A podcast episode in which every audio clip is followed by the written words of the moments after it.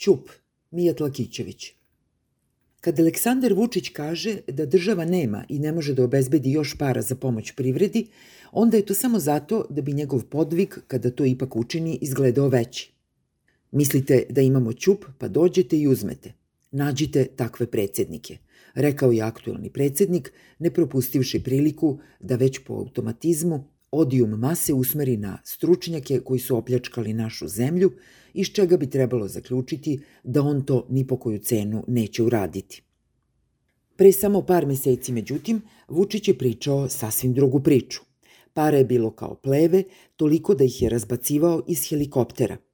I uopšte hvalio se da je paketom od 5 milijardi evra Srbija privredi pomogla više nego mnoge mnogo razvijenije zemlje – Ekonomisti su odmah rekli da je državna pomoć zapravo upola manja od navedene sume. Ne obazirujući se na to, Vučić je pre neki dan ponovio svoju tvrdnju uz opasku da je recimo i jedna Velika Britanija za pomoć svojoj ekonomiji izdvojila svega 6 milijardi evra. Prema računici koju je nedavno izneo Milojko Arsić, Ukupni fiskalni stimulans iznosi oko 2 milijarde evra, a ako se od toga oduzme smanjenje nekih budžetskih rashoda, kapitalnih investicija i kupovina robe i usluga oko 450 miliona evra, takozvani neto fiskalni stimulans pada na nešto više od milijardu i po evra. Trećinu te sume, oko 600 miliona evra, Vučić je podelio svim punoletnim građanima, oko 6 miliona, po 100 evra. Taj potez bio je pre svega političke prirode, u sklopu Vučićeve predizborne kampanje. Siromašnima se moglo pomoći i duplo više nego što su dobili, a da u državnoj kasi ipak ostane nekoliko stotina miliona evra. Ali politička pohlepa nadvladala je i socijalnu pravičnost i ekonomsku efikasnost.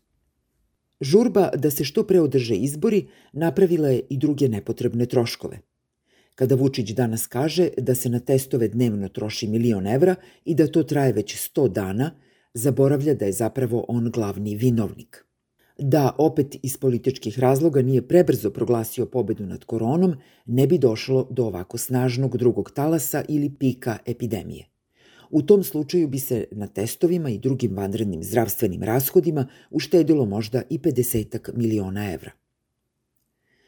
Takođe, odluka da se Srbija zaduži na tržištu kapitala, a ne kod Međunarodnog monetarnog fonda, koštala je zemlju još nekoliko desetina miliona evra.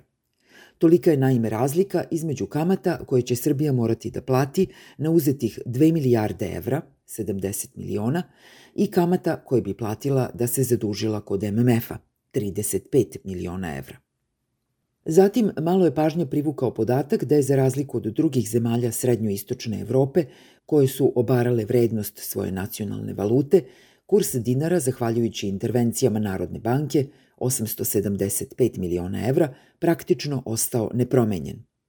Osim što je tako smanjena konkurentnost srpske privrede, koja će biti od izuzetne važnosti u periodu oporavka, Za odbranu kursa je nepotrebno potrošeno bar nekoliko desetina, a možda i stotina miliona evra.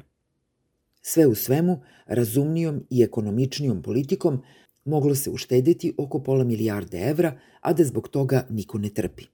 Od tih para mogao bi se napraviti sasvim solidan drugi paket stimulacija za privredu, čak i bez ikakvog novog zaduživanja. I ne bi bio potreban nikakav čup sa parama. Problem je zapravo u tome što se Vučić ponaša kao da stvarno ima nekakav ćup.